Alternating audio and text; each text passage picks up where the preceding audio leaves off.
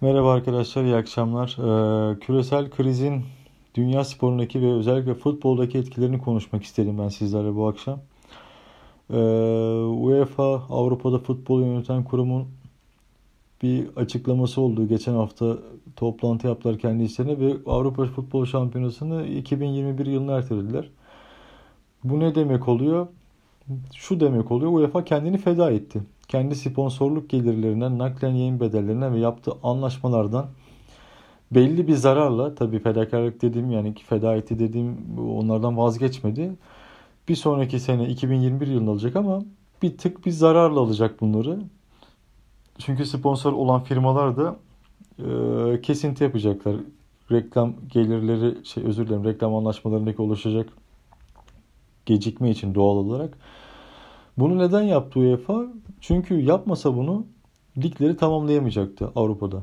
İspanya, İngiltere, İtalya'da ligler tamamlanamayacaktı. Tamamlanamadığı zaman da bu sefer bu liglerde e, maalesef batmak zorunda kalan, kapanmak zorunda kalan kulüpler olacaktı. Bunlar tabi Liverpool, Arsenal, Manchester United, Juventus olmayacak. Barcelona, Real Madrid de olmayacak bunlar. Bunlar ufak çaplı takımlar. Ne bileyim Granada gibi, West Ham gibi, örnek veriyorum Blackburn Rovers gibi vesaire takımlar bu çaptaki takımlar olacaktı. Neden bu çaptaki takımlar olacaktı? Bu çaptaki takımların tek geliri naklen yayın geliri. Naklen yayın geliri bunların pastasının çok büyük bir bölümünü oluşturuyor. Tabii ki sponsorluklar da oluşturuyor. Kalan e, dilimde en büyük pas payı naklen yayından sonra sponsorluklar alıyor. Ama Öncelikli bunların hedefleri her zaman nedir? Maç günü yayın gelirleridir. Özel e, maç günü stat gelirleridir.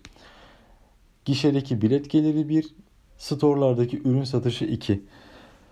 Yani ciddi gelir kaynağıdır bu takımlar için. E, maç olmayınca bu takımlar bu gelir kaynaklarından otomatikman mahkum oluyorlar, mahrum oluyorlar. E, maç olmadığı için naklen yayın geliri almıyorlar. Maç olmadığı için sponsorlar sponsorluk bedellerine kesinti yapıyorlar yapmak zorundalar zaten. Yani sonuçta bir anlaşma varsa sizi 34 hafta temsil edecekse o göğüs sponsorundaki firmanın ben temsilcisiysem X takımı beni 34 hafta boyunca göğüs sponsor olarak temsil edecekse ve bunu 34 değil de 24 hafta yaptıysa ben niye 10 haftalık para fazla ödeyeyim ki? Yani baktığınız zaman çok basit bir düz mantık bu. Bu küresel krizde e, ufak çaplı takımlar dedim etkilenecek. Neden etkilenecek? İşte naklen yayın dışında e, sponsorlukta ne gibi bir zararı olacak? Az önce göğüs reklamı örneğini verdim. İngiltere'nin örnek veriyorum. En büyük üçüncü operatör firması XL Leisure'ın iflas etmesi, iflas ettiği konuşuluyor şu an. 60 milyon sterlinde cirosu vardı ve bu takım West Ham United'da bu parayı sağlıyordu. 60 milyon sterlinlik bir destekte bulunuyordu. West Ham United yani bu sponsoru kaybetti şu an. Firma iflas ettiği için. Bu West Ham United'ın gelirlerini, sponsorluk gelirlerinin %20'siydi. Başlı başına 5'te 1'iydi. Onun dışında yani çok büyük ıı, takımlara sponsorluk yapan firmaların hisseleri ciddi düşüşte. Zaten dünya ekonomisi şu an ciddi düşüşte. Yani BIST 100 endeksine baktığınız zaman 127 bin, 124 binlerde giden e, endeks şu an 88 binlerde, 89 binlerde. Aynı şekilde Amerikan borsası, İngiltere borsası, Almanya borsası hepsi ekside. Yani bir ay öncesine göre konuşuyorum. Hepsi ekside. E bunların doğal olarak liglerdeki, ülkelerindeki takımları da hem futbol hem basketboldaki Takımları da etkileniyor. Etkilenecektir. Etkilenmeye de devam edecek. Takımlar bu duruma inanılmaz hazırlıksız yakalandılar. Yani hiç bilmedikleri bir şeydi bu. Yani illaki oyuncuların sözleşmesinde ya da sponsorların sözleşmesinde doğal afet durumu vardır ama ya bu doğal afet girer mi? Giriyor ama bunun böyle bir salgın maddesinin olduğunu zannetmiyorum. Hani takımların işte bakın böyle bir madde vardı deyip de bazı anlaşmalardan yırtabileceği veya bazı anlaşmalardan para koparabileceği diyeyim e, bir madde olduğunu zannetmiyorum ben. Çünkü tarihte baktığınız zaman hiçbir örneği yok bunun. Yani en büyük küresel salgın krizi 1918'ler, 10'lu yılların sonu 20'li yılların başlarında İspanyol gribi denen bir illet çıkmış dünyaya yayılmış. Ee, o zaman da zaten hiçbir spor müsabakası yapılmıyormuş. Çünkü dünya savaşı olduğu için zaten müsabakalar ertele, ertelenmiş. Hiçbir organizasyon yapılmıyor. Yani hiçbir takım bundan etkilenmemiş. Zaten savaşın getirdiği ekonomik krizden etkilenmişler. Doğal olarak bunlara da hazırlıklılar. Yani çoğu takım sıfırdan başlamış zaten. Şimdi ne olacak? Yani elde bir net bir veri olmadığı için yine sıfırdan başlayacak olan takımlar mı olacak? Bunu bilmiyoruz. Ama şunu biliyoruz ki altyapısı güçlü olan takımlar ki Portekiz dışında çok fazla ülke yok diyorduk biz hep. Çünkü diğer ülkeler İngiltere, Almanya, İspanya oyuncu yetiştirmekten ziyade pahalı oyuncu transferleri yapmayı seven ülkelerdi. Ee, belli başlı takımları hariç. Yani Portekiz'de ama bütün takımlarda bu kültür var. Porto'sundan tutun Benfica'sına kadar. Braga'sına, Vitória Guimarães'ine kadar. Bütün takımlarda bu vardı bu kültür. Umarım bu kültür Avrupa'ya yayılır. Yüksek astronomik oyuncu bedelleri ve transfer bedellerinde bir azalma görürüz. Yani çok garip oyunculara 120 milyon eurolar ödenmeye başlandı. Çok komik oyunculara 120 milyon eurolar, 130 milyon euro paralar ödenmeye başlandı. Yani ülkemizdeki bile etmeyecek oyunculara 3,5 milyon 4 milyon euro paralardan falan bahsediliyor. Yani bu çok korkunç rakamlar. inanılmaz korkunç rakamlar. Ondan sonra takımlarımız maalesef TV8'e çıkıp para yardımı topluyorlar. Yani neden topluyorlar bunu? Yıllık geliri var ama şu anki 2019-2020 yılının gelirini kullanmıyor. 2022-2023 yılının gelirini kullanıyor belki. O kadar ipotek üstüne ipotek edilmiş ki gelirler. Yani bu iş çığırından çıkmıştı. Finansal fair play bile kontrol edemiyor. Yani UEFA'nın financial ıı, fair play dedikleri ıı, kurum bile ya da getirdikleri kural diyeyim ne diyorsanız bunun adına. Bu bile artık kontrol edememeye başlamıştı. Çünkü sana diyor ki bunu harcamalısın diyor ama bir bakıyorsun 1 TL'ye oyuncu kiralanmış ama oyuncu astronomik rakamlar verilmiş. Çünkü adam diyor ki ben oyuncu maaşına karışmıyorum. Senin diyor harcama limitin bu diyor. O oyuncuya verdiğin para kendi içindeki olay senin diyor. Yani o oyuncuya verilen astronomik bedel üzerinden bazı yerlere paralar gidiyor. Yani bunu mesela Serdar Ali Çelikler çok güzel açıkladı. Taklacı menajer, hileci başkan diye. Yani futbol kulüpleri nasıl soyuluyor? Bu finansal fair play nasıl deliniyor? Bunları çok güzel açıklamıştı. İnşallah umarım takip şey araştırıp izlerseniz eğer ilginizi çektiyse. Yani garip garip işler dönüyordu. Bu işin çözümü bu kriz bittikten sonra illa ki hayat normale dönecek. Sonsuza kadar sürmeyecek. Kriz bittikten sonra özüne dönen, altyapısı güçlü olan takımlar kazanacak. Türkiye'de bunu yapacak takım var mı? Bilmiyoruz. Çünkü bizim takımlarımız hep transfer odaklı olduğu için Altın Ordu kulübü dışında bilmiyoruz yani böyle bir takım var mı? Ee, umarım vardır. Umarım yani kaybolmaya yüz tutacak gelecekte. Ya bu çocuk da iyi futbolcuydu ama bir yere gelemedi diyeceğimiz çocuklar, arkadaşlar, futbolcu kardeşlerimiz umarım bunu fırsata çevirirler kendileri için. Çünkü her kriz bir fırsatı da getirir beraberinde. Bu arkadaşlar için umarım bu fırsat olur da ikinci, üçüncü Merih Demirallar, Çağlar Söyüncüler çıkar. Yani yeni Hakan Çalhanoğulları çıkar. Ee, ülkemizi yurt dışında böyle başarıyla temsil edecek arkadaşlar futbol sahnesine çıkabilir. Çünkü bizde altyapı sistemi nasıl? Altın Ordu kulübünün dışında diyorum yine. Özellikle belirtiyorum bunu. Altyapı sistemimiz bizim şöyle. Ben stoper oynayan, altyapıda ümit vadeden 14 yaşında bir gencim. Bir genç bir kardeşinizim. İyi de oynuyorum. Taliplerim de var. Bir Anadolu takımının altyapısındayım. İşte üç büyük takımlardan duyuyorum. Ee, işte babama geliyor telefonlar. Ben ondan duyuyorum. Bak şu seni takip ediyorum. Şu maçta izleyecek diye. Tak ondan sonraki hafta ben yedek oturuyorum. Benim yerime yeni gelen bir çocuk oynuyor. Kim diyorum bu çocuk? İşte yönetim kurulundan XXX abinin e, bilmem neredeki e, amcasının oğlu. O gelip benim yerime oynuyor. Bu sefer ben ne yapıyorum? Kadroda yer bulamadığım zaman kendime diyorum ki ben başka takıma gireceğim. Yerel bir amatör takıma gideceğim diyorum. En azından oynayabileyim orada. Orada kendimi bir daha gösterebilirim diyorum. Oraya gidiyorum ve tabii oradaki imkanlarla geldiğim yerdeki imkanlar kıyaslanamayacak düzeyde kötü olduğu için biraz bu oyundan soyuyorum. Biraz e, sinirleniyorum. Ufacık bir sakatlık veya bir duygu patlaması olduğu zaman tamamen bırakıyorum ben bu işi.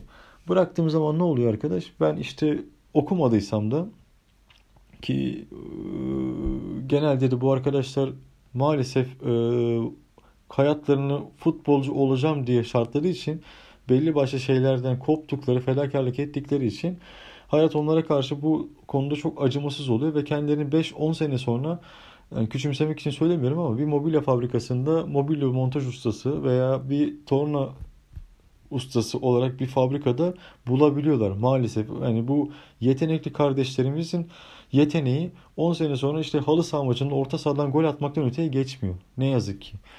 Belki bunun önüne geçecektir. Yani her şerde bir hayır vardır deriz biz Türk milleti olarak. Ee, ben de çok severim bu sözü aslında. Çok da kullanırım. Her şerde bir hayır vardır. Her kötülüğün içinde bir iyilik mutlaka vardır. Ee, kötü bir şey oluyorsa Allah daha kötü bir şey olmasını engellediği için belki bizim başımıza vermiştir. Ben hep buna inanırım. Umarım yeni yetenekli kardeşlerimiz piyasaya çıkar. Bu sayede belki bizim de bir hani diyoruz hep bizim takımlarımız neden bir Porto olamıyor, bir Benfica olamıyor. Belki bu sayede olacaktır. Yani bu bir bizim için şanstır. Şans olarak görmeliyiz bunu. Olumlu açıdan baktığınız zaman tabii ki kötü bir şey. İnsanlar ölüyor hastalanıp bu salgından ötürü. Ee, o ayrı bir boyut ama benim bahsetmeye çalıştığım boyutu da umarım anlamışsınızdır. Anlatabilmişimdir. Dünyadaki takımlar bunun için ne yapıyor? Bizim takımlarımızın yapmadığı şeyleri yapıyorlar. Oyuncularından fedakarlık istemekten ziyade oyuncularına şöyle diyorlar. Biz maaş kesintisi yapıyoruz senden %12 diyorlar. Ülkemizin bulunduğu, dünyanın bulunduğu ekonomik finansal krizden dolayı. Ronaldo buna evet diyor. %12'lik bir gelir kaybı oldu. bu da ne kadar? 31 milyon euro almayacak da 27-28 milyon euro olacak Ronaldo için. Ne kadar bir gelir kaybı? O da tartışılır. Ee, Barcelona takımı bütün oyuncularından %70 indirim yapmasını istedi. Daha sonra bu olayın işte Messi'nin önderliğinde kulübün yönetim kadrosuna gittiği ortaya çıktı. Hatta Messi buna ilk çıktığını isyan etmişti. Yani biz bunu zaten çalışanlarımıza yardım yapıyoruz, bağış yapıyoruz, para veriyoruz durumu olmayanlara veya bir şey almaya durumu olmayanlara diye düzeltti sonra. Yani bunu bu şekilde bizim medya atmaları çok e, şık olmadı, biraz çirkin oldu demişti. Ondan sonra ondan sonra Barcelona kulübü biraz yumuşattı açıklamayı. Oyuncularımıza teşekkür ediyoruz e, açıklaması yaptı bir nevi. E, diğer takımlar da kulüpler de bunu yapıyorlar. Yapmak zorundalar zaten. Çok ciddi bir kayıpları var. Yani Şubat ortasından Nisan 1'e kadar yani bugüne kadar yaklaşık olarak 4 milyar euro 5 büyük Avrupa Ligi'ndeki e, takımların zararı. Premier Lig'in 1.2 milyar euro, La Liga'nın 900 milyon, Bundesliga'nın 800, Serie A'nın 600, Lig 1'in ise 400 milyon euroluk bir eksi e, yazılmış hanesinden bahsediyorum ben şu an. Bir buçuk aylık zarar bu sadece. Bakın özellikle de altını çizmek istiyorum ben bunun. Ee, nasıl aşılacak, neler olacak bilmiyoruz. Tabi burada herkes mağdur. Yani ben şu an Lig TV abonesi değilim. Geçen seneki maç yönetimlerinden dolayı bunu e, aboneliğimi uzatmama kararı almıştım. Sinirlendiğimden dolayı. Abone olan arkadaşların durumu ne olacak? Yani Lig TV dedi ki biz spor kanalı abonelerine film ve dizi kanallarını da açıyoruz. İzlesinler dedi. Ya bu hiçbir şey değil. Zaten çok kaliteli yapımlar yok. E zaten o adam onu spor maç müsabakası izlemek için almış. Futbol maçını izlemek için almış o paketi. Yani ya paketleri atıyorum 2 ay 1 ay ligler durdu ya da 3 hafta ligler durdu 4 hafta ligler durdu diyeyim. O süreyi paket sonuna abonelik sonuna eklemeleri gerekiyor. Benim şahsi fikrim. Çünkü bu adamın bir suçu yok yani bunda. Bu salgın bir hastalık. Kimse bunu tahmin edemez, öngöremez. Veya ücretlerinde bir indirime gidilmedi. Hiçbir şekilde bir açıklama yapılmadı. Ee, ne olacağı belli değil. Yani insanlar da mağdur. Herkes mağdur burada. Sadece futbol kulüpleri değil, futbol izleyicisi de mağdur. Umarım en kısa zamanda, en kısa sürede bu e, iş biter, bu durum biter e, hayat normale döner. Dönmelidir de dönmek zorunda da illaki dönecek.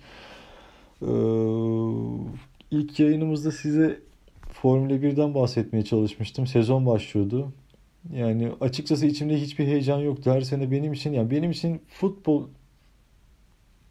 e, futbol demeyeyim de spor sezonunun başladığı dönem Formula 1'dir. Yani Formula 1 başladıktan sonra Mart ayında benim için de spor aslında bir nevi başlıyor gibi oluyor. Yani çünkü Mart'tan sonra işte Mayıs Haziran'da şampiyonlar belli olur. Liglerin, ülkelerin, kupaların varsa turnuva Temmuz Ağustos'ta bu turnuva olur, olimpiyatlar olur. Formula 1 Kasım'da biter, Aralık başında biter. Ondan sonra zaten her şey biter. Yani normal yıllık e, Şampiyonlar Ligi grupları da bitmiş oluyor. Rutine dönüyor Mart ayına kadar bütün e, spor organizasyonları. Ya benim için özeldir yeri. Hep bir heyecan olur olurdu içimde ama bu sezon yoktu. Sanki böyle olmayacak gibiydi. Zaten e, salgın felaketi de vardı. Çin Grand Prix'si iptal edilmişti. Bahreyn Grand Prix'sinin seyircisiz koşulacağı söylenmişti. Ee, o hafta sonu e, şey McLaren takımından iki kişinin test sonucu pozitif çıkınca takım yarıştan çekildi. FIA acil toplandı ve yarışı iptal etti. Ki doğru bir karardı. Geç alınmış bir karardı. Yani o takımdan oraya hiç gitmemesi lazımdı. Dünyanın dört bir yanından taraftarın oraya hiç gitmemesi gerekiyordu. Ya o bile inanın bu salgını tetiklemiştir. Bir kişinin çünkü 7-8 kişiye çok rahat bulaştırabildiği söyleniyor bu hastalığı, bu virüsü. Tabii fabrikalar kapanınca Formula 1 takımları da ne yaptı? Mercedes Formula 1 takımı solunum cihazı üretti. Ve ventilatöre ihtiyaç duyulmadan direkt beyne oksijen gönderebilen bir solunum cihazı üretti. Yani DAS teknolojisini konuşmuştuk geçen hafta. Ya bu da DAS teknolojisi gibi bir şey.